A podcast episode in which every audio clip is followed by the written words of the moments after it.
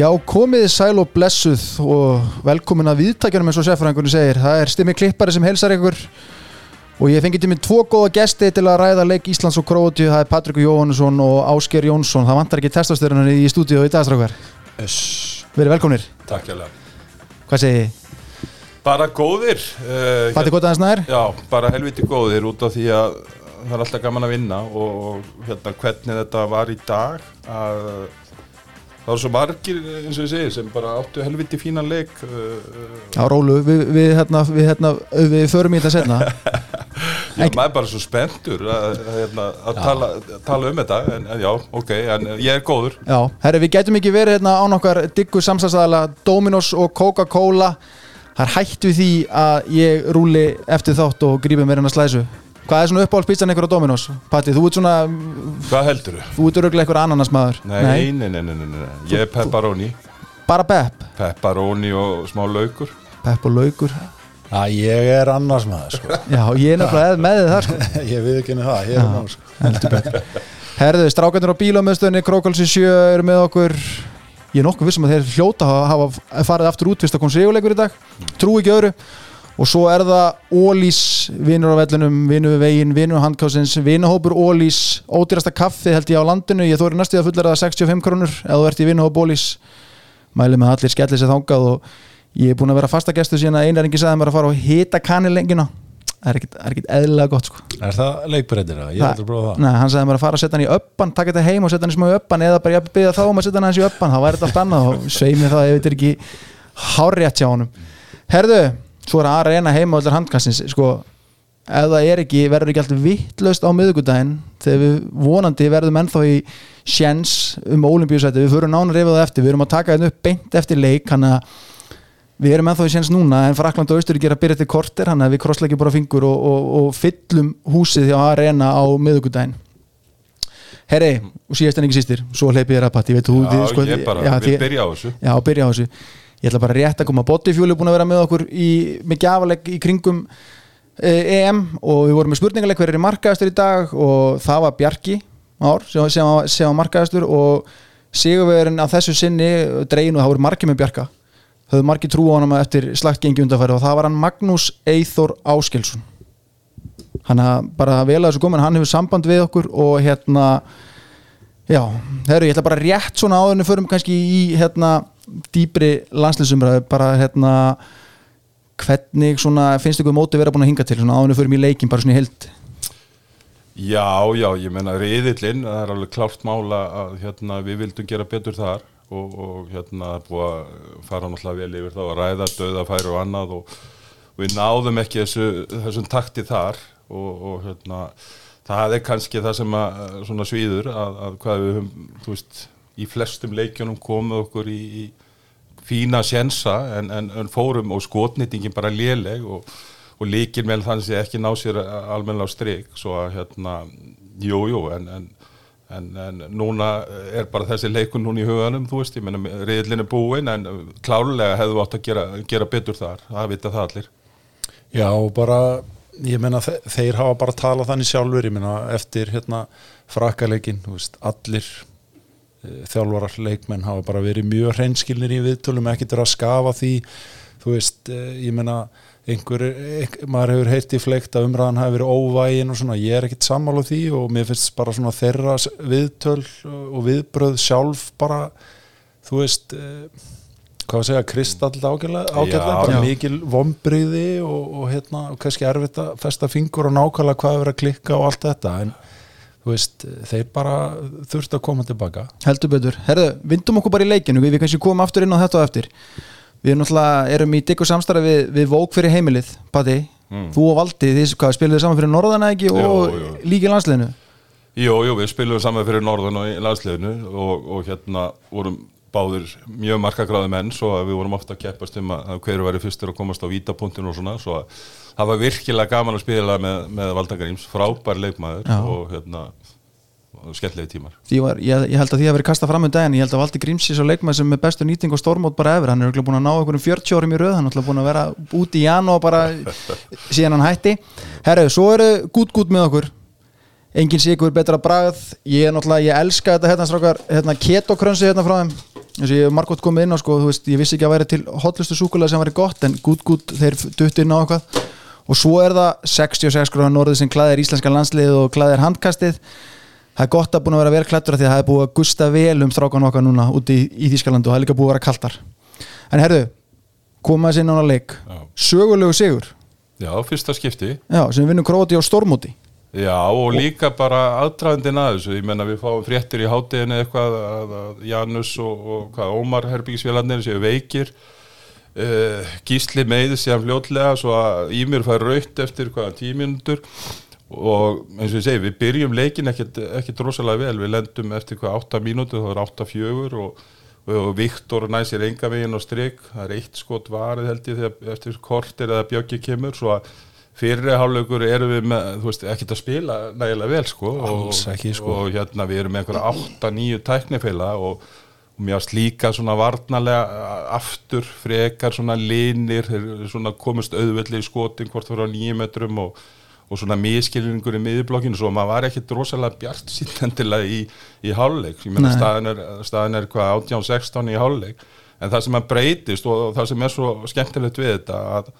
að í setni hálfleik náttúrulega þá, þá snýst þetta við menna við skorum nýju mörg og hraðaflumum í setni hálfleik. Bjöggi náttúrulega uh, ver uh, skot sem hann á að verja og líka eitthvað sem hann á alls ekki að verja. Svo að það er þetta, þetta sama að, að markvarslan hún náttúrulega skiptir öllu máli í þessu. Og það voru svo margir sem stigu upp. Ég meina, mér varst Aron góður yfir allan leikin, ég meina, hann var bara svona stabíl og, og stýrði þessu, óðinn náttúrulega frábær uh, Bjarki Már hann, hann byrja vel, er síðan lélur og síðan kemur aftur tilbaka það er styrkleiki, sama með Viggo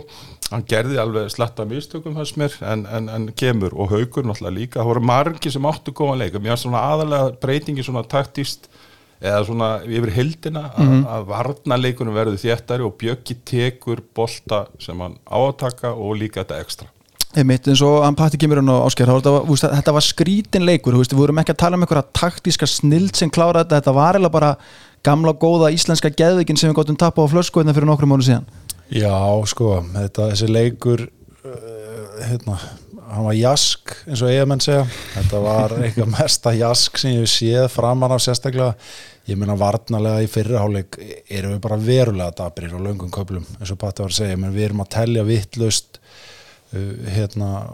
þeir króatarnir er að gera náttúrulega bara nákvæmlega sem að rekna með, þeir voru að keira okkur niður alveg svakalega mikið og við vorum á aftalega þannig að þeir voru að ná að keira okkur bara oft langleðin inn í tegin og við vorum ekki að ná að reagera á það. Það er unnurlega, finnst mér að vera stóri munur en á fyrra og setnaháleik að við erum,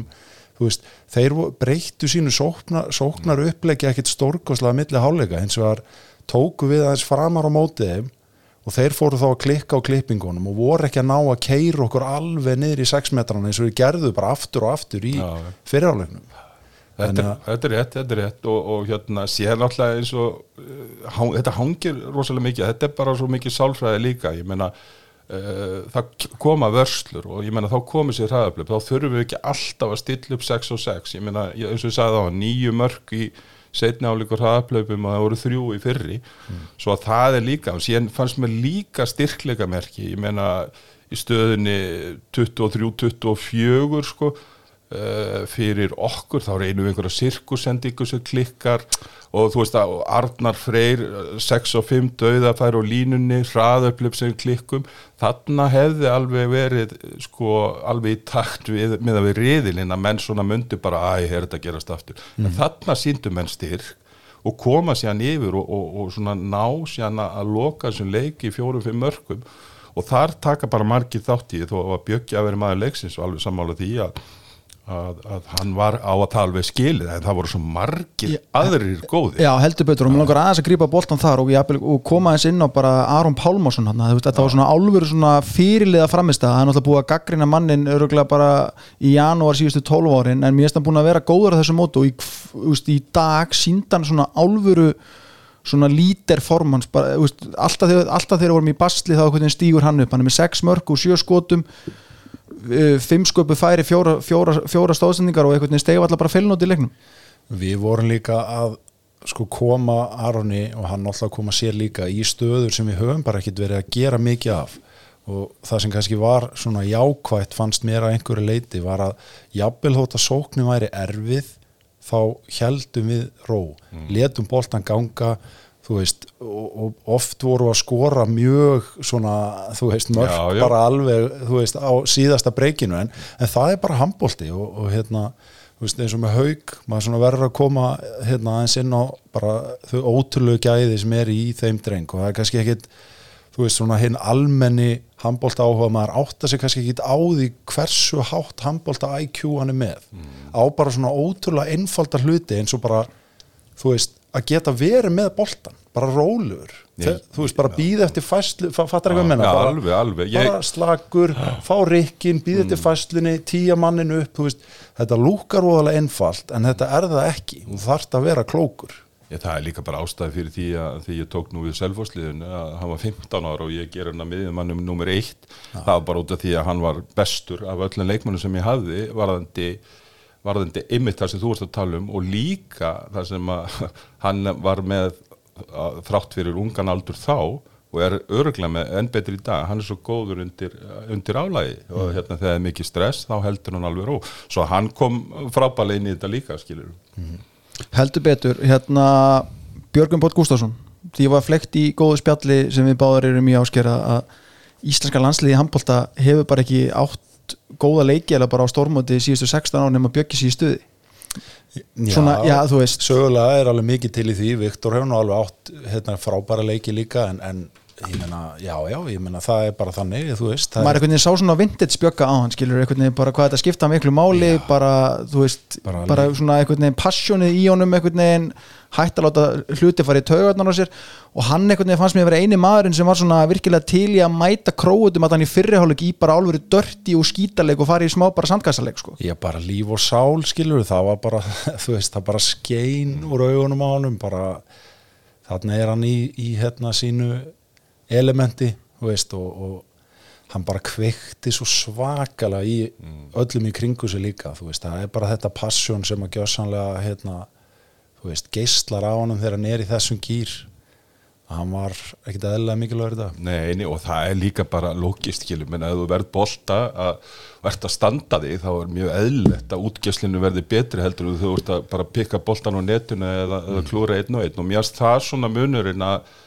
að hérna, á liðinu að, að svona það var uh, ró og, og þrátt fyrir ekki endilega frábær gæði í fyriráleika þá svona uh, fann maður það bara þegar maður var að horfa á þetta, það var trú og þeir síndu það greinilega hann í restina, ég meina Króatin skora einhver 6-7 mörg fyrstu 20 mínútur eða eitthvað. Og hérna það er bara styrkleikamerki að, að þú veist það hefði verið alveg uh, auðvelt að, að eitthvað í þessu hérna, þessari stöðu sem voru komnir í í fyriráleik, fjögur, fimm undir það ekki? Eða var það svo mikið, fjögur. Fjögur. Fjögur, þú veist, en þá bara og það, eins og nefnir Aron ég, þú veist, mér fannst þetta virkilega góðu leikur hjá honum að bara, og eins og þið eru að nefna líka bara svona leadership og, og, og sem hann síndi bara, þú veist, ekki með einhverjum öskurum eða látum, heldur bara með hvernig, hvernig hann var inn á vellinum og, og síðan kom hann alltaf þá hini með líka, það má ekki gleyma því heldur að, ég meina, Donni, mér varst bara fín innkoma, en hann missir hann eitthvað tvisa boltan eitthvað óöpinn en mér varst samt sem áður gott að sjá hérna eina sleggju frá honum. Líka þegar hann fintaði Dúniak upp úr skónum mitt leitt og tvö og næri þarna í viti svo að þú veist það voru svona punktar sem að hérna voru bara góðir og Bjarki gefst ekki upp heldur áfram og segi þetta er karið, þetta er það sem maður vil sjá og, og hérna e, er gott fyrir framhaldið. Heldur betur, menna við fengum þessar fréttir í hátteginu í dag, Arnalda var fyrstu maður en svo vanalega að hérna Janus og Ómar Ingi væru veikir, mm. semst herbyggisvelarnir en einhvern veginn fekk ég, ég veit ekki hvort að því deilir þessar skoðun, ég fekk einhvern veginn bara herru, þetta áttur að þjappa okkur saman en skrítið og er, þú veist, maður hefði fyrir einu ári síðan bara Ómar Ingi off, bara úf, en einhvern veginn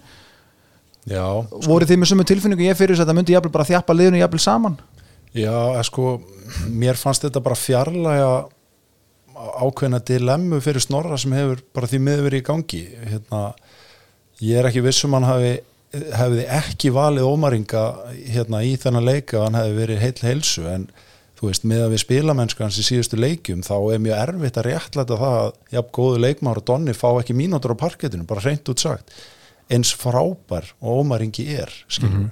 þú veist, þá er þetta líka bara landslið og þú þarftu þetta líka bara að delivera það eru líka bara aðri frábæri leikmenn á staðnum. Er þetta þá enn einn rós í nappagötu á seffanum sem sem að kallaði eftir því að, að Gísli fara út og þá kom Janusinn og svo kallaði hann eftir Óma fara út og, og þetta var endur ekki að frungaði snorra heldur tóku aðri máttaröflana yfir. Já, ég menna við vitum það alltaf allt gott sem gerist í seffanum að þakka en, en hérna, þú veist, Donni líka bara, jú, ég menn hann tapaði þessum tveim boltum en hann var samt, hérna, einn eitraðasti sóknamaður nokkað samt í fyriráleik fyrstu þrjár sókninar þá skapar hann tvö færi og skora mark. Þú veist, svo hann þversendingu þarna undir sem býti færi sem Bjarki klúrar ok, jú, hann er mjög opinn fömblar hann á tvo bolta þú veist, hann heldur samt bara áfram, fiskar vítið hann í, í, Og- veist, og er óöppin og skori ekki að það milli 1 og 2 þannig að og einhvern veginn kemur nýtt element inn og fær einhvern veginn krótísku vörnina til þess að þurfa að hafa ágjör á öðrum hlutum heldur en voru búin að hafa af kannski svona framan af. Já, veist, ég, veist, ekki miskil mig, ég er ekkert að segja það að, að hérna, þú veist, Ómar Ingi í standi og Viggo eru hérna, bara tveir frábæri leikmenn og ég er ekki að segja þeir ekki vera fyrsti kosturinn en spilamennskan verður samt líka að, þú veist, að ráða því hvort Já, þú sért að spila eða ekki. Já, já, þetta er rétt og, og hérna Ómar Ingi og Viggo eru náttúrulega svolítið líkar eh, svona leiktýpur skilur og Donni kemur þarna með, með aðeins öðruvísi inn. En þú spurður áðan hvernig, ég menna ég fór strax að hugsa um bara COVID-leikin hérna á móti frökkum, Já. það er besti varnarleikur eh, sem ég, ég mér sem búin að klippa þetta sérstaklega og sínt öllum liðum sem ég þjálfaði hvort það sé átjónarlandslið eða, eða stjarnan, bara hvernig þar kemur lið inn, reyndar tölvört meira áfall og það var held ég helmingurinn af liðinu læsturinn og herbyggi, þar mætu við frökkum sitt allra, allra besta lið og pökkaðum saman, mm. varðanlega komst í 11-4 eða eitthvað. Og það segir svo margt líka um þetta hugafart, þess vegna hugsaði ég líka ok, Uh, Janus Ómar ekki með, þetta eru svona líkir menn sem að hafa þannig sé verið að spila frábælega og, og með borðið þannig sé sóknarleik Magdeburg upp með Felix Klar. Að hérna að það kæmur svona ok, herru þetta, þetta fára alltaf að segja það en þetta hafi kannski góð áhrif á, á, á liði í dag, menn svona ok, herru þeir eru ekki með, við þurfum að gera en Aron, eins og segi, leiti þetta vel með stöðning frá Bjögga, Óni, Bjarka, Viggo og Hauki og þú veist Elvar, þó hann hafi ekki verið stórkostlegur eða eitthvað, ég menna það bara skila hann sínu, gerði sín mistök hana, hann var samt að vinna á fullu varnalega. heldur betur. Heldur betur, en hérna Áskeið, þú komst inn á það að þetta hefði kannski svona leist ákveðið vandamál fyrir Snorra næsta leikur á móti Östuríki gefum okkur það að Janus og Ómar eru klárir. Þá komið nýtt vandamál, tekur hann það inn? Ég, ég veit ekki það náttúrulega bara snorra að svara því en þú veist með við framistuðu högs í síðustu tveimu leikjum og ég held að hérna, þú veist það svona lítur ekki vel út með gísla þannig að Janus vantilega kemur inn aftur og spurning hvor, hvort að gísli geti beitt sem meira. Uh, varandi Ómar og Donna það er svo aftur spurningamerki líka bara en, en þú veist, ég ætla aðeins að koma inn á hérna, það sem að Patti var að tala um með varnarleikin á þann og varnarleikin á COVID-mótin og varnarleikin á móti frökkum. Þú veist, ég get ekki þess að minnumáttakend um að okkur vanti eitthvað varnarlega og eitthvað, skilur, menna horfum bara á hérna, okkur og því móti á svíjana núna þú veist, ok, Danina þú veist, Sákstrúp, er hann einhver, hérna, tveggja metra stera hundur nei, þú veist þetta, þetta snýst náttúrulega líka bara um gæði skipulag og að vera í syngi sem við höfum bara ekki verið á löngu stundum, þannig að þú veist þetta það að okkur vanti alltaf eitthvað til að performa, ég, þú veist mér finnst við bara hafa öll element í okkar liði til þess að gera frábæla þetta er allt gæðir að spila á hæsta leveli, performa með sínu liðum, þetta er ekki það. Það bara, þú veist, það er eitthvað óútskýrt í jafnvægi, ójafnvægi sem er búið á þessu móti og snorri þarf svo bara að finna út úr því í framhaldinu. En eitthvað gæðaleysið og okkur vanti hitt og þetta, ég, þú veist, ég meina Þetta er rétt, ég meina við síndum það í dag að hérna nákvæmlega, ég meina á móti króutum að þú veist við bara pökkuðum saman í setni eða svona setni hlutan af því og, og það segi ég líka, þetta er svo mikið þó að menn vilji kannski ekki endilega heyra það en þá er það bara rosalega stór þáttur einhvern veginn uh, þessi andlegi, hvernig þú nærð einhvern veginn að, að, að, að tækla það eða hvernig þú nærð að undirbúa og hvernig þú nærð líka að að hérna búa til þessa liðsheld á þessum stutta tíma. Ég meina, nú erum við að fara að spila á Östuríki sem við tölum um að eftir ég meina, þeir eru að spila múti þannig síðan á 6-7 leikmönnum en þar eru þeir bara, ég veit hvernig þessi gæðir eru þetta eru bestu vinnir þarna og þeir fara þetta á þessari já, við kallum þetta þessari íslensku geðviki eða eitthvað, þar er ég meina, þú veist, og þetta er það sem að þú veist, hefur alltaf verið hjá okkur. Ég meina ég veit ekki hvort þið munið eftir ég menna 1995 og síðustöld þegar ég var í landslinu þá ætlum við að verða heimsmyndstari að ná í metalíu endum í töfum fyrir rússum 25-12 og, og bara uh, vorum lengi þú veist að ja- jafn okkur. Það var búið að mikla væntingar þetta er ekki ný, fyrsta skipti sem eru væntingar. Síðan förum við á næsta heimsmyndstarmót það nefndi valla kjaftur að fylgja okkur út á völl og vissi enginn að við værum að fara til Japans. Þar náum við í fymta sæti ef ég segi, mm. þú veist auðvitað vilja menn hafa hérna væntingar og þetta sé, þú veist, ég held að menn sé ekkert endilega að spá í því út í einhverju umræðina heima, en menn þú veist, við þurfum einhvern veginn svona uh, að ná að sína þetta og þetta hefur, menn, eða farið yfir síðustu ár, eða bara, þú veist, mótin hjá okkur, jújú, jú, það er þriðja sæti í Austuríki, það er, uh, byrjum að, fyrir 2002 er fjórðarsæti, hérna undanúslega töpu fyrir dönum eða svíum eða eitthvað síðan, síðan kemur hann Austuríki síðan hefur þetta bara verið 11. sæti, 13. sæti, 9. sæti eða eitthvað síðustu ár svo að þú veist, við þurfum einhvern veginn að, að byrja þessi mót og, og ná þessari stemmingu, við, við erum þar við erum ekki já, þetta er svona það sem við þurfum alltaf að, að, taka, við getum ekki mætt eitthvað kokki og sagt, heyrðu, við erum frábæri við verðum alltaf að fara í skýtavinnuna fyrst. Mm -hmm. Það langar mig hérna aðeins að koma inn á það Fisksalinn, Sigfúr Sigursson kom inn á það núna á Twitter á dögunum og búin að koma inn á það síðustu þrjúar held ég á öllum stormótum hann er alltaf að tala um að það þurfa að bæta grunnþætti í þjálfun á Íslandi í handbólta og það endaði nú bara á því að sjeffin fekk nóg og svaraði honum og bent honum á að hann var bara hjartalega ósamála hvað, hvað er svona ykkar teika á þessu? Ég veit ekki hvort þið hefur séð þetta í honum fúsa hann er vantar að tala um einhvern veginn með varnavinnu og, og, og, og djöfulgang og styrk og annað. Já, já, ég, þú veist það má alltaf eitthvað bæta en, en ég held nú að svona fyrir mín skoðun er svo að við hérna sem einhver örþjóð út í ballarhafi erum samkeppnishæf á þessu sviði út af því að hérna, þjálfun hér og aðstæður eru góðar en þú veist, auðvitað er alltaf einhvað sem á bæta en ég get ekki verið að samála því að það sé eitthvað viðvarandi vandamál í, í okkar hérna batna og ólingastarfi sko. Nei, nei, þú veist, tæknilega ég menna við erum með fullt af nú er ég aðeins komin inn í átyrranlandsliðum með aðstóða heimi Ríkas og, og við fórum nú á móti í, í, í desember hérna Sparkassen Köpp og, og spilum það til úslita við þjóðuverja þar sá ég alveg að tæknilega og taktist vorum alveg flottir en, en klárlega ef það er eitthvað sem við getum samt lagt kannski meira áherslu á þá er það þessi styrta þjálfun að við þurfum auðvitað líka e, stærðina, þú veist við þurfum þessa blöndu en, en ég held svona handbóltalega, ég menna tæknilega fannst mér íslenska liðið á þessum móti betur en, en þjóðverðarnir hvað var þar bara, já, leikskilning og annað og bara gafpreyingar í báðar áttur en, en klálega voru þjóðverðarnir sterkari mm. líkalega Já, og það er líka bara, þú veist og, og þarna kannski kem, kemur patti inn á eitthvað sem að mér finnst raunverulega að vera meira vandamál heldur en eitthvað endilega gæði þjálfunar, þú veist út af því að senan öll er mjög afregstrifin og það er bara, þú veist, það er bara rannsóknir sín okkur það og reynsla að þú veist, gæði leikmanns í sjötta, fymta fjórðaflokki er ekki besti indikatorinn um hver mun sé hann skara fram úr þegar veist, lengra er komið. Þannig að við verðum líka að passa okkur á því að missa ekki út mm skilur þessa skrokka ja, sem eru setni til skilur við verðum að horfa lengra fram í tíma við verðum að gera ja, það. en talandu um sko, ég menna ég er nú búið Erlendis eða í Þískalandi með enn tíu ár þá voru nú, þegar maður ætlaði með börnin sín á handbóltæðingar þá voru einhverju fóreldrar bara að gera þetta með kennslunni eða eitthvað svolítið svo mér finnst starf á Íslandi bara mjög gott varðandi, varðandi handbóltan við erum ótrúlega hérna marga færa þjálfara. Svo ég segi það við þurfum kannski uh, byrja fyrir með styrkin og eins og Áski var að segja líka við meðum ekki bara hugsa um eins og bara eitthvað mót 16 ára eða 18 ára við ætlum að vinna það. Við þurfum að hugsa ok, heyrðu,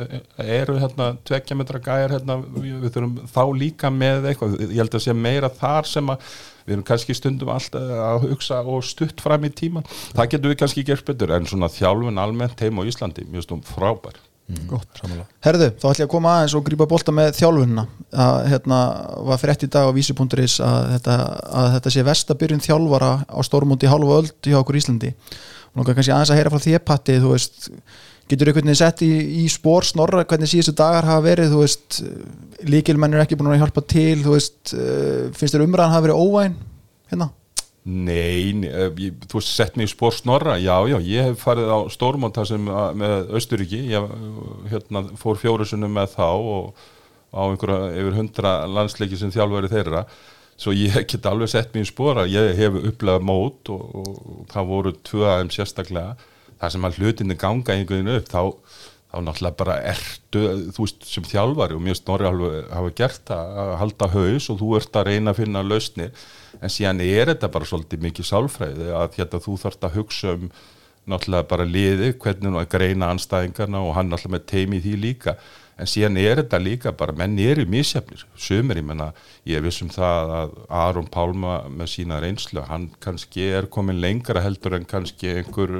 yngri leikmaður sem er í liðinu. Svo þetta er rosalega mikið sálfræði einhvern veginn hvernig nærða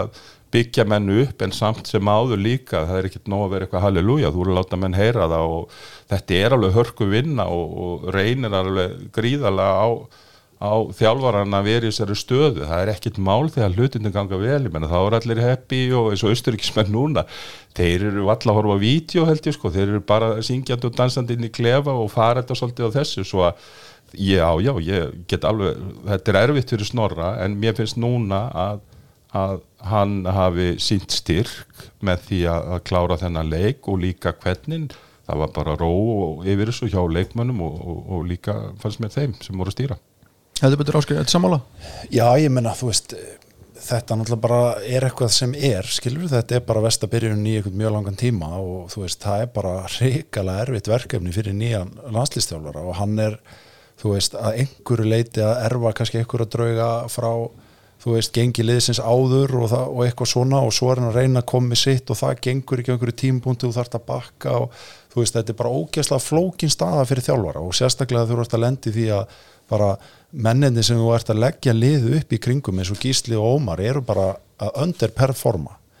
Og hérna, þú veist og þú ert ekki að fá markusluna og þú ert að við erum endalust að lendi í þessu millisvæði varnalega það sem að þú veist, við erum ekki alveg að fara út á klukkan, við erum ekki að ná clean block, þannig að við erum að fá ótrúlega mikið að beinum skotum á okkur og utan skilur þannig að veist, það er svo mikið sem að svo, verður þetta bara eitthvað hrærigrötur og þú er engan tíma til að vinna úr þessu út á stórmóti og allt það.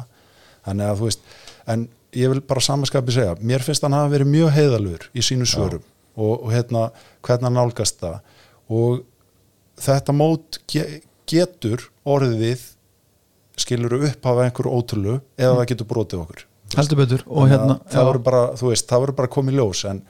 þú veist, hvort þetta er vestabyrjun eða ekki, ég er ekki að velta of mikið fyrir mér, fyrir mér er bara langt mikilvægast að hann finni réttu svörin út frá þessa reynslu. Og ætlum ég aðeins að grípa það því að hérna, þú kemur inn á að líkilmenn hafi verið að bregðast og ég veit að Patrikur hann vann heimavinnuna sína fyrir hennar þátt þannig að ég ætla að gefa boltan að þessi fyrir því Patrik. Þú ert með ákveðna svona hvað við segja, tölfræð og pínu greiningu á þessu öllu saman? Já, ég maður búin að kíkja á þetta sko, ja, nú erum við bletta Nei, nei, þú veist, ég var nú búin að fara bara yfir þessa fyrstu fimm leiki og, og þú veist, það er eiginlega bara eh, tveir, eh, þú veist, markmennir er ok, þeir voru góðir í reyðlunum fyrir utan uh, Ungverjana. já, síðasta leikin Já, sem allir allir en það er eiginlega bara þú veist, Janus er með eh, hérna 10 mörg og 16 skotum og með 63% skotnýtingu og síðan er Viggo með 76% og, og hérna 22 mörg reynda nýju vítum en aðrir eru bara þú veist, eins og ég segi að, sang- þú veist, Aron er þarna veist, eh, eftir þess að fimm leiki með 48% skotnýtingu ég myndi segja að skittur með með nætti að vera svona 55-60 mm. en síðan er náttúrulega þú veist, Gísler er 42% uh, og, og náttúrulega Uh, ok, búin að vera í meðslum eða eitthvað en styrkur hans líkur kannski meir í að opna en það hefur kannski ekki komið en síðan er þetta bara eins og við höfum talað um að, að þú veist það sem að, það sem að snorri kannski gekk útrú ég skila vel að, að sko fyrir móti þá var nú ekkert mikið verið að diskutera uh, valið á liðinu kannski vinstra á hotnið eða eitthvað. En sko ef þú horfir á, á þessa leikmenn eh, Janus og, og, og hérna Ómar Ingi þeir voru að vinna þessar árásir einn og einn í þýsku búndislingun og hún er sterkast að delt í heimi. Eh, hotnamennir yfirleitt Sigvaldi og, og Bjarki þeir, þeir hafa þú, þú, þú svona hefur gengið út frá því vísu bara þeir klári 80%, 85% það hefur verið að klikka og það er það sem kemur svona óvar það sem að mér finnst samt líka eitthvað sem við þurfum að hugsa að, ég meina, ég horf, þið hafa nú hort á Danina það er alveg pottið að sé einhverja leikið með þeim. Já. ég horfði á þau gær þeir eru líka, Gitzel og, og hérna Pillik, eða hvað hann heitir þarna þeir eru líka þessu einn og einn en mönunum þar finnst mér að þeir eru búin að þróa þannig að það er ekki bara gert úr kyrstöðu eins og var að ganga á EM-mótinu, COVID-mótinu þá var Ómar Ingi ótrúlegu, hann var eiginlega sóknarleikur okkar Já. og, bjóð til allt í kringu sig. Nú finnst mér Daniti verið búin að færa þetta upp á herra level að, að sko þeir eru komin með hraða líka sendingar og annað. Þetta er svona, þú veist ég segi en ég skil alveg snorra með þennan hóp að þú veist og ég gerði bara ráð fyrir því líka eftir að hafa hort á leiki og annað að, að þetta myndi bara virka en síðan bara má alveg líka spyrja sig eins og með gísla ég meina búin að vera frábær hérna og vinna Champions League eh, en það var í mæ og síðan var aðgerð þar á milli þú veist er þetta of erfitt fyrir hann að koma inn í þú út af því að Janus er þannig að spila miklu meira í Magdeburg svo, nei, nei, en þetta er, þú veist, ég myndi segja að Janus og svo ég hérna, tala ekki alveg endalust Janus og, og Viggo eru svona í þessu fyrstu fimm leikjum þá eru þeir með svona bara eh, góða skotnindingu aðrir ekki. Ég menn sjá það bara leiknum í dag að það eru, þú veist hvað, fimm af sjö sem að klára hana leik og eru ekki byrjunuleginu í fyrstu leikjunum, þú veist, þannig að það segir líka bara mikið og það er mjög erfitt sem þjálfar einhvern veginn sjá það fyrir, ég held svona fram á veginn er áskorunin fyrir snorra að finna þetta jafna í liðinu. Og ég held að, ég held að svona það erfiðasta sem kannski liggi fyrir er að ég held ekki kannski er að hjá mér ég, ég sé ekki fyrir mér að hérna, Gísli, Janus og Haugur verði allir þrýr endilega valdir á annar mót saman skilur ef, að, ef við ætlum að huga þeirri blöndu veist, ef við ætlum að koma gæja eins og Þorstinni Leo inn í þetta veist, hver á þá að víkja? En hann þarf auðvitað náttúrulega bara að halda áfram að bæta sig og vinna sig inn fyrir því ífattaru en þú veist, við sjáum bara hérna, hvað við þurfum mikið uppbrott eins og þegar við fáum haugin eða þegar við fáum donna inn í dag skilur, mm. veist, hvað, hvað gefur okkur mikið þannig að ég, það, þú veist, þetta er alveg hausverkur út af því að ég er, ég er algjörlega á því að þetta er okkar bestu 16 Já, skilur, já. sem hafa verið valdir Það, það er svo mikið kunst að, að, að búa til lið og, og hérna eitt hérna, mér veist hérna ég er rosalega mikið fyrir að, að klippa út og hérna að það er einhverja svona merkilega setningar að vitur. Mér fannst við hann lekkaði hjá, hjá ungurum. Má ég lesa þetta? Þú mátt lesa þetta Við erum lið, þó að eitt leikmaður dett út, jafnvel eitt svo mikilvægasti eins og Baniti, þá berjust við saman allt í lenda. Við erum kannski ekki heimsklassa, hver og eitt fyrir sig, en saminari erum við heimsklassa sem lið. Mér þetta svolítið svona, eins og ég segi, við erum alveg með, sko,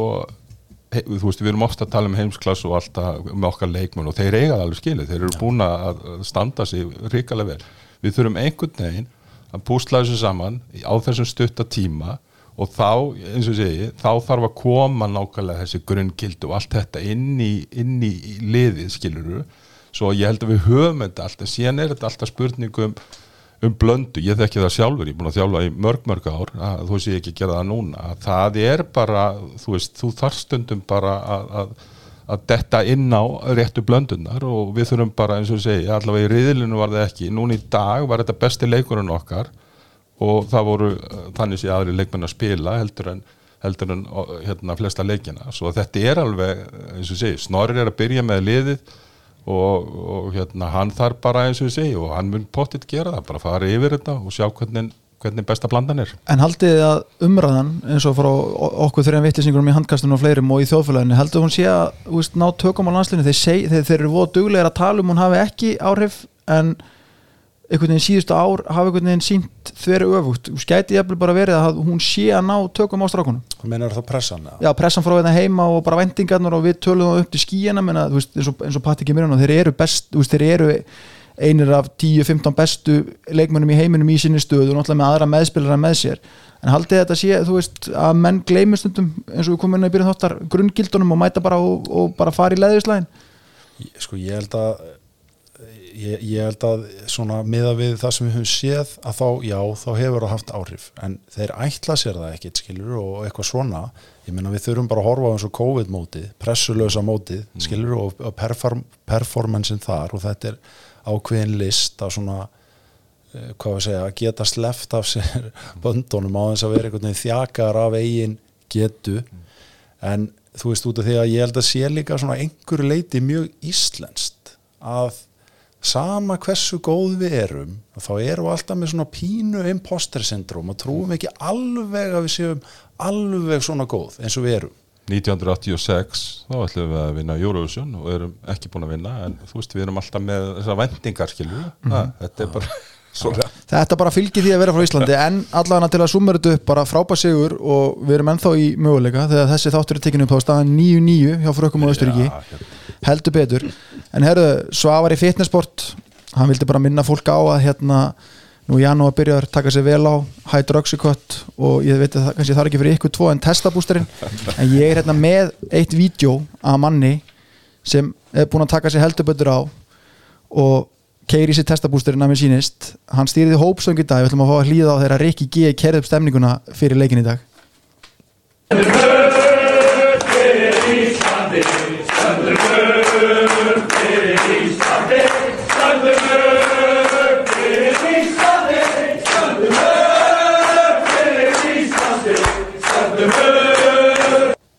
Já, ég er ekki frá því að Rikki G hafi, hafi verið leikmaður leiksins, allan að Svavari fitnessbót vil, vil meina það og ég er ekki ósamálunum en að leikmanni leiksins þá er það komið að, að velja nokkuð leikmann leiksins og við gerum það hérna Whoa, what's you giving? Okay. Three, three, eight, já Baby, er að horfa þig Já, leikmaður leiksins í bóði nokkó sko, gleði tíðindi myndi ég segja að í fyrsta skiptið á þessu mótið þá voru við í bastlið að velja. Það var alveg nokkrum að velja menna Aron, Bjöggi, Óðinn, Bjarki bara eru þið semst búinir að velja? Við erum búnir að velja. Við erum búnir að velja og, og þið hafið ekkert um þetta að segja. Ok. Þetta fer á bestastæða bjögga. Ég er búin að vera að býða eftir viðtölum eftir leikirna á vefmjölum meðan þeir eru búin að vera að gjamma og sjá hvernig hann sé búin að tilkynna fórsetta frambóðið en það er ekki ennþá komið. Patti, fyrst ég með þið hérna það veitum náttúrulega alþjóð að bróðin er fórseti heldur að bjöggi væri góður artæki bróðins á bestastöðum ég ætla ekki að fara í þessu umræð ekki? Ég reynda að segja Arnar þetta.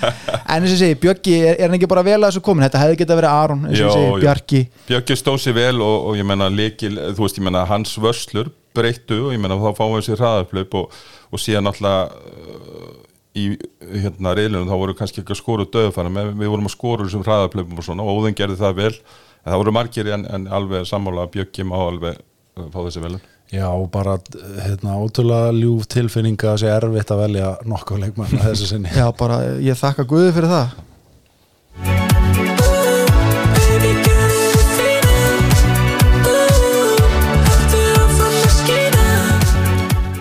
Já, haldu áfram að skína Bjöggi minn hvort sem það verður með landsliðinu eða á bestastöðum en þá erum við komnir í skítuleiksins í bóði skólprins og náskes.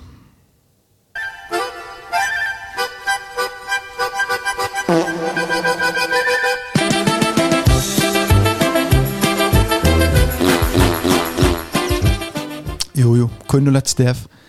En það vil oft fylgjast að þegar það er erfitt að velja nokkuð leikmannin þá er líka erfitt að velja skituleiksins sko, við fórum yfir þetta drengirnir og, og í mér er, þú veist það er hægt að svona, þú veist, taka hann út hann var ópeppaður og, og kannski svona mista þess hausinn. En ég ætla að senda strákan í skorpunu annan nú Nú, Já, við áttum alveg eftir að ræða þetta ímismóm já, við getum alveg farið það eftir það. Jú, byrjum aðeins að ræða. Við skulum aðeins, við Nei, skulum, sorry, ég að nei, það. endilega, við skulum aðeins ræða ímismálið. Sko, þetta er náttúrulega ok, in the moment og allt það en þetta er náttúrulega alveg glórulust en þetta, svona, þetta endur speiklaði samt hversu rosalega hátt spennustíði var hjá okkur svona fyrstu 10-15 mínúndar og náttúrulega bara fleira í okkar leik en hann þetta bara, þú veist, aðeins gleymið sér en, en hérna ekki eru við patt að fara að dæma hann sko. Ég fíla þetta. Ég meina að þú veist Ok uh, þetta, Hann fer eitthvað hann Þetta var ekki eitthvað Nei. rosalegt skilur En mér finnst bara eins og uh, þjóðverðarleikunum þó að hann er ekki unnist Ég meina hann var frábær. Það var hann sem að kveikti í vörninni og, og þetta er nákvæmlega sem þarf að vera bara í öllum leikjum. Það þarf að vera einhver svona Durgur. Durgur, drullus okkur inn og hann gerði þetta bara ok og óöppin en, en, en ég, ég skila vel. Ég, ég, ég hef lendið þessu áður. Já, Ímir, hann var óöfn að fóta rauðarspjald en hann er heppinn að því það er maður á kostnesinu í basli með lagnandir á sér. Ok, Það eru búin að vera í yfirvinnu síðan á lögadaginn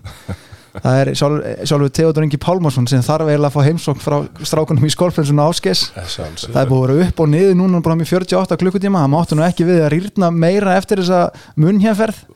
en við sendum bara bata kveðir á hann og við ætlum að senda strákan í skolpunu beint út á Kásnes Sangjant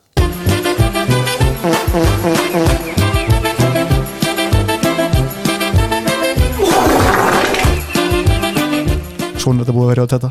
nákvæmlega eins og þarna und, undir restina. Bata hvað er að þitt þetta minn? Herðu Jöllarinn á tix.is hún langaði aðeins að fá að hérna pota aðeins í heilan og patta og fara aðeins yfir austríksmennina sem eru móturir okkur á mögudaginn Já, þú þekkið þá nú að þekktu þá betur en kannski er þetta aðeins búin að kynna ára aftur skilur þú veist, já, já, ég er búin að kíkja á þetta og, og hérna, það er ekki annað hægt en að, hrífast með bara? Neini og bara hvernig þú veist að ná uh, þú veist spámverja leikirnir hann í riðlunum og, og, og króatar og síðan halda áfram og taka ungverjana en það magnaði við þetta sko að, að það eru leikmenn aðna sko sex leikmenn sem- þegar ég var aðna Weber, Robert Weber 38 ára hann er spilandi þjálfar í, í hérna tvæti, eh, annari búndislíku Uh, Janko Bosovic, ég held að hann sé að spila í Kuwait uh, 38 ára líka og hann meittist reyndar. En það sem er svolítið magna við austuríska liðið það, svona, það sem að ég, ég átti stundum í vandrað með og það er, er markvæslan að hann, þessi Konstantín Mösl 23 ára uh, hann er með 36% markvæslu ég veit ekki alveg, er hann að spila í Vestfín? Nei, hann er hjá Abla Hart. Hann er Hannes komið Jón. þangað. Já, ok, hann ok, er Hannes hann er, hann er hérna vínar eða vestvín og, og þú veist, hann er algjörlega x-faktorin í þessu liði og, og það sem er svolítið magnað að, líka þeir eru uh, eftir hérna þessar le leiki, fimm leiki þá, þá eru búin að skora 144 mörg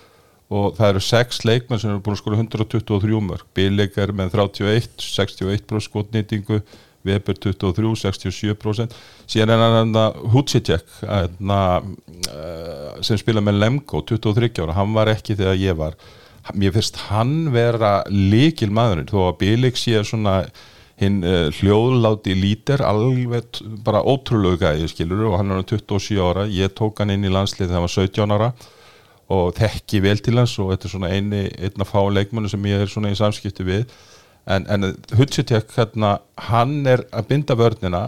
Hann er með, með hérna, Herburger sem er hjá, hjá Hannes í Hard mér finnst hann eiginlega svona vera búin að þeirra sterkastur og síðan er þetta búið að púslast þannig að þeir eru bara að spila einhverju sex leikmannum og fara stundum í 7 og 6 og, og eru svona, þú veist, og ég þekki það alveg, ég meina þeir voru ekki á síðasta háum held ég, þeir komist ekki á það. Þetta er svona, bara sama hjá mér við vorum, gáttum verið rosalega góðir en líka alveg hrikalega slagir það sem að mér finnst eru verið búin að ná núna sem er bara virðingavert að það, það er komið sko úslit á móti svona stóru liðum og á sérstaklega fannst mér þjóðverðarleikurinn að þá fá þeir sjálfstyrst og þá eru bara hættilega, varst ekki að segja að í 9-9 þannig að ég leiknum á hann Jú, þeir eru bara inn í leikum mútið frökkum. Staðan enda 13-11 núna en þú veist, já, En síðan líka, eh, Tobias Wagner spilar í Bregenz, 28 ára uh, hann, er, hann er veist, með, með ekkert sérstakka nýting á línunni en, en samt með einhver 90 mörg síðan er eh, líka vinstra hotni Frimmel, ég, hann kom inn hjá mér ungur, hann, hann er að spila í Seget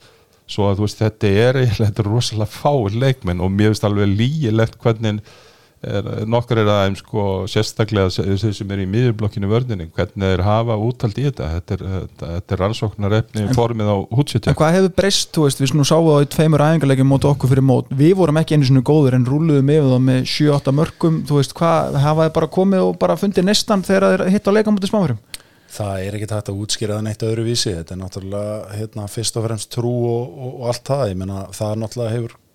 auðvitað, auðvitað þá framistæðan verið til staðar en hún er að núti þeir trúa það eru skýr konsept, það vita allir sitt hlutverk allt þetta, þetta einfalda en samt svo mikilvæga. En þú veist aftur bara, ég meina af hverju getur Herburger staðið þarna eins og hersöðingi í þristinum en ekki okkar menn sem er að spila á miklu starra sviði? Þú veist, aftur, hausinn. Þetta er bara svo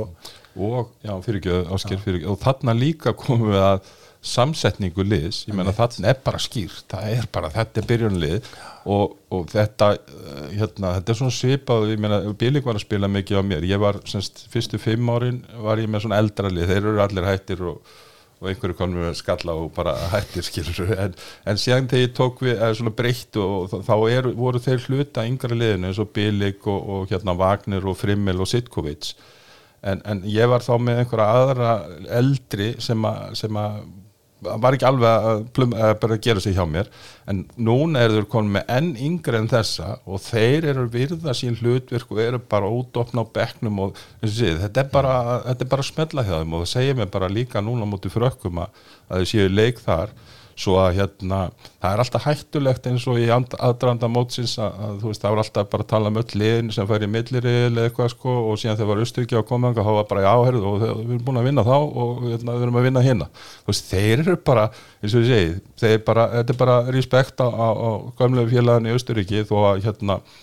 ég vilja þeir tapi á móti frökkum og, og, og við mætu þau síðan og, Bara hreinum úrslitaleik. já, já, Já. og þá þurfa menn alltaf og menn gera það náttúrulega og þessi strákar sem er á mótinu veist, ég menna, þeir vita það núna þetta er bara lið sem er, ég menna, hvernig var það með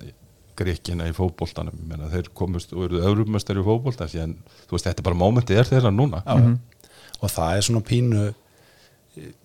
þú veist ekki það að maður myndi einhvern tímann ekki vilja íslenska sigur en það er samt líka pínu leðild að þetta strandi á okkur einhvern veginn að stoppa þetta ótrúlega ævindiri hjá þeim sko en, en hérna, þeir eru náttúrulega bara er að eiga alveg ótrúlega skemmtilegt mót, spútninglið mótsins og bara eru bara gjössanlega búin að berjast fyrir hverjum einasta punkt og sentimeter á þessu móti og bara virkilega virðingavert það sem er eitt í þessu stími ára hérna, tekur, að, hérna eins og með Bilik líka það, ég, ég var svolítið háður svona, ég setni til hvernig hann kom inn í móti hann var búin að spila mikið með kýl þá vissi ég það, vá maður, þetta verður erfitt sko, núna í vetur, þá var hann svona, hann búin að dreifa álæðinum, hann er frískur maður sér það, og hann fær rosalega góðan stuðning frá, frá Hutsicek á, á, á miðjunni, ég held að það sé svona líkillin að þessu. Og líka bara hluturkin eru bara átómandi skýr út af því að, að það, það, þessir yngri sem eru að koma inn þeir eru bara í svona aflýsingavinnu eina, tvær, þrjá og fjóra mínútur bara til þess að gefa þeim aðeins pásu. Það eru Jölli, ekkit eðlilega frekur. Hann vildi halda áfram og fara hans líka í bara framhaldið á mótunum, að nú eru Svíþjóð, Frakkar, Danmörk komin undan úr slitt, gefum okkur það Þískaland og Ungverjaland vonandi, veist, verði bara um þetta. Hvernig sjáu þetta, veist, spilast fyrir ykkur svona, veist, framhaldi? Við, við erum vantilega að rekna með dönum í úslitt sjáu þið svíjan eða frakkana ef þið mætið sundurslun, hvernig sjáu þið þann leik Já, mér finnst, eh, ég menna klárlega Danirnir, eh, þeir eru bara síðustranglegastir og sögðu það líka bara fyrir mót að þetta væri upptekið og, hérna, og standa undir þeir, þeir, þeirri pressu mm. frakkarnir eru alltaf bara, ég menna þetta er síðasta Evrópumóti hjá hérna, Karabatic og, og þeir vilja nú örgulega hverja með einhverju hérna, dollu sko og mér finnst svíjarnir líka að horfa á þá spila hvernig þeir skipta þessu líka það er bara, það er ekki verið að skipta eitthvað inn, það er skipta leikjum líkuð á milli sín og, og mér finnst þeir svona Glenn Sórbjörg, ég held að sé mjög þægilegt og, og, og gott, ég er ekki að gera lítið úr hans vinnu en að vera með Gottridsson sem spilandi þjálfara á miðinni, það, það er rosalegu styrkur og mér finnst þeir líta vel út, einfaldur leikur alltaf góðu varnarleikur, svíjar yfirleitt með góða markminn svo að ég held að þetta verið Danmörk, Frakland, Svíþjóð í efstu þremur. Þú Óskar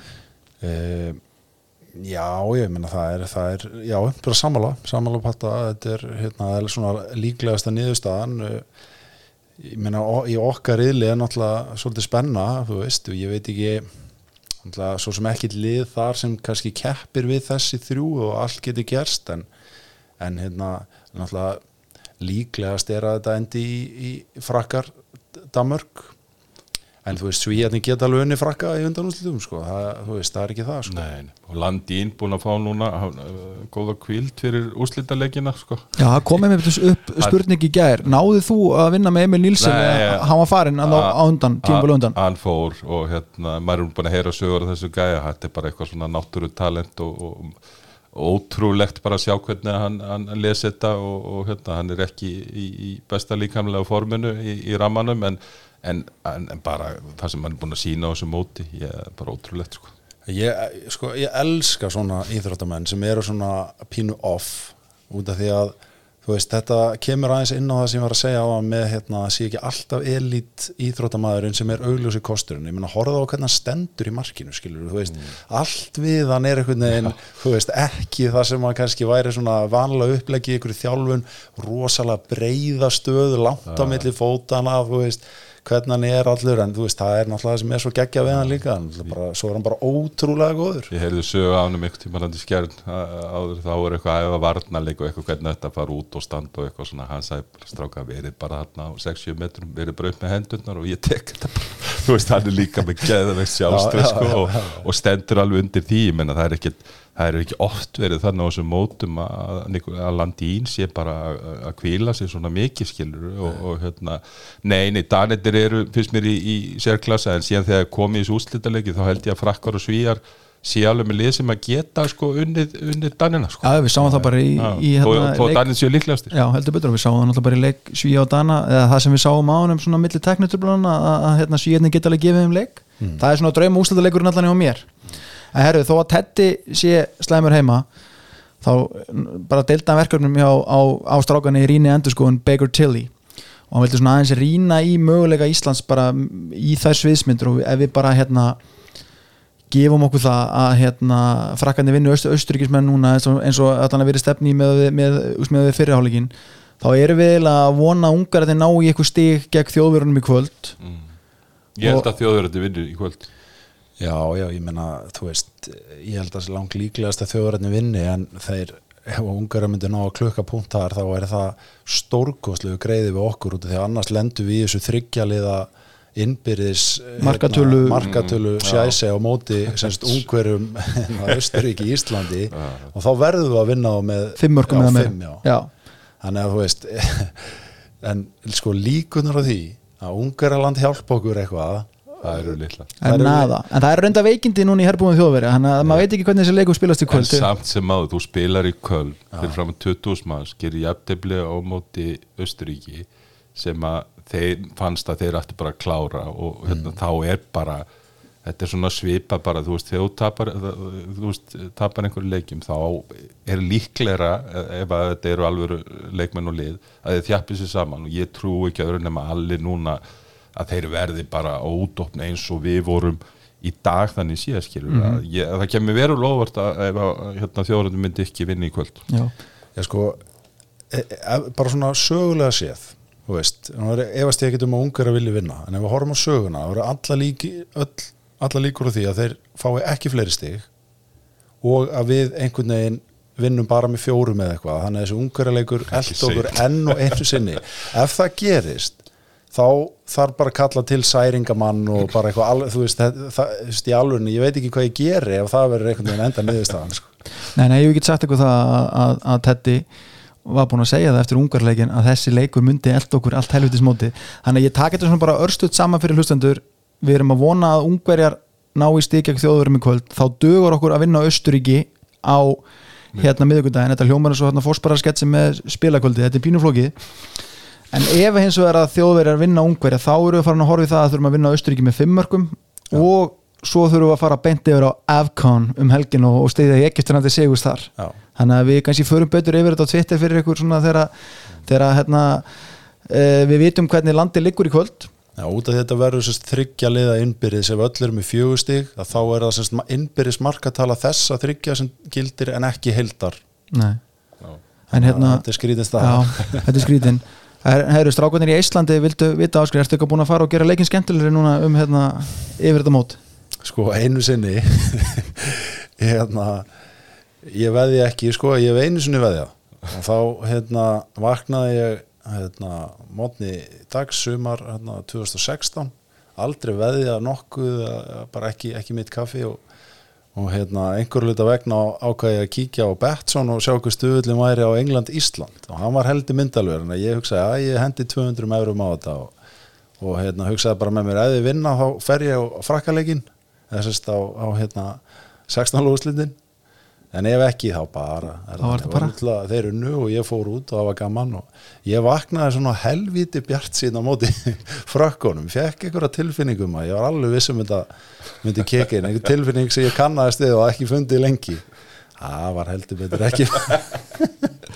Heldur betur ekki. Þannig að ég er hættur að veði aftur og, já, já, og við minnum bara hlustundur á að þetta er bara til að gera leikin miklu skemmtilegri. Þetta, á ekki, þetta er ekki að vera hennar upphæðir nei, nei. heldur betur ekki, herðu við erum komnir hingað Ekkert árgjald, ekkert stress með léttkortinu frá Símin Pay.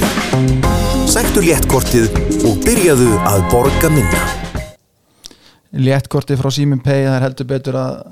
að hjálpa mér að dreifa jólunum aðeins ekkert árgjald, ekkert vesen herðu bara rétt í lokin þá ætlum ég bara að renna yfir það það er e, umferð hjá Ólístild Kvenna núna í vikunni hún byrja bara strax á miðugudaginn að ég og Pattur erum að fara á Þorrarbróta föstudaginn þannig að það þurft að aðvenda húsi snemma í, í Garðabanum það er stjarnan haukar á miðugudaginn og hérna svo heldur umferðin áfram á föstudaginn þegar að valskonur fá fram í heimsók, það er hörguleikur uh, Káa Þór og IPVAF hérna eiga svo við á laugadaginn líka í svona landsbyðaslag og svo er það sjónvarsleikurinn uh, í bytni útsendingu á sjónvarpi símaskulukan 17.00 það er nýliðaslagur hjá IR og afturhaldningu er ekki, hérna, þú ert að koma á blótið ekki Patti? Nei, ég er ekki að koma lóti Djúvill að missa þessu. Aja, hafa það. En ég ætla að mæta á, á hérna, stjartanhaukar í mesturokki kvenna og, og hérna vera með Sissa á bekknum svo að ég læt það ganga fyrir. Æja, lístu vel á það En svona ekki bitastæðasti leikurinn í þessar umferð það er ekki valið fram á förstaskvöldi Þetta er allt bara mjög áhugaverði leikir. Það er það sko. Jú, Þetta er það svona stórleikurinn en að gæsa lappa en það er bara, það er svona alls konar litla barattur í gangi út um alla deild sko. Heldur betur. Herðu, við munum svo gera ólistelt kvenna og öllu því eins og við erum búin að segja margóft það eru aðeins búin að fá að sitja á hakanum þetta er búið að vera svolítið EM svona fókusa í okkur í janúar og, en við komum sterkir inn þegar báður ólistelt að vera konar í gang núna í februar alveg í lókin þá vorum við með gjafaleg á Instagram og Facebook síðu handkastins með ræna einhver löfetreyju frá Ími. Þetta verður svona, svona collectors item það sem hann er nú að fara í annar liði sumar og það var hún Hanna Dóra Höskustóttir sem vann þá treyju og hún má bara hafa annarkot samband við okkur á handkast Instagraminu eða bara beint við mig bara finnum undir stimmi klippari, ég er með treyjumólin Franga mín. Nú, já, já, kannski látið þið bara fá treyjuna næst. Þetta er sýstir Helgumarketar sem er hérna, íþrótta frettakona Rúf og er úti. Já, það eru hæg heima tökjum stutt á milli. Herri drengir, þegar þessi orð eru töluð þá er Austuríki að vinna 16-15 í hálfleik. Ert ekki að grí Nú, ég verði vandræð með að finna, með að finna fyrirsögnum þáttin en ég, við hérna hendum eitthvað. Þetta þarf að eldast vel, Já, en þeir eru að vinna í hálfleik. Er sé Jú, Þetta er, eru þið segir er þetta gríska dæmið, fara þeir alla leið? Það er spurning, þeir eru skoruðu fjögur síðustu mörkin í fyrirháleik Ok, ertu með hverju eru búin að skora? Nei, ég er ekki með það, ég er ekki þeir, hvað ég að segja, tölfræðin hjá á EHF er ekki alveg svona up to date. Við, við þurfum að koma HP stat svona bara worldwide. Bílik með fjögur þetta? Bósovits þrjú Wagner þrjú Já, Weber þrjú Húteit 2 og það er minna. Já, já, bara þessi sex sem eru þarna? en markmaðurinn? Mörsl, uh, uh, Hann uh, Hann er búin að Það er ekki búin að vera mikið markast og ótrúlega satt? Ok, ok. Nei, nei, þetta segir bara, þú veist, ég menna, vá Þetta, en þeir, frakkarnir þeir, þeir mæti já, já, Er það ekki? Jú, jú, þeir mæti í setni hálfleik og, og leifa okkur að dreyma. Lákallega Herri strákar, nú langar bara að þakka ykkur kellaði fyrir komuna hérna, hérna þetta síðdegi, það er ekki eins og komi kvöld. Nú bara brunum á Dominos fáum okkur Coca-Cola með og, og hérna sjáum frakkan að klára Austuríki setni hálfleik. Takk fyrir. Takk fyrir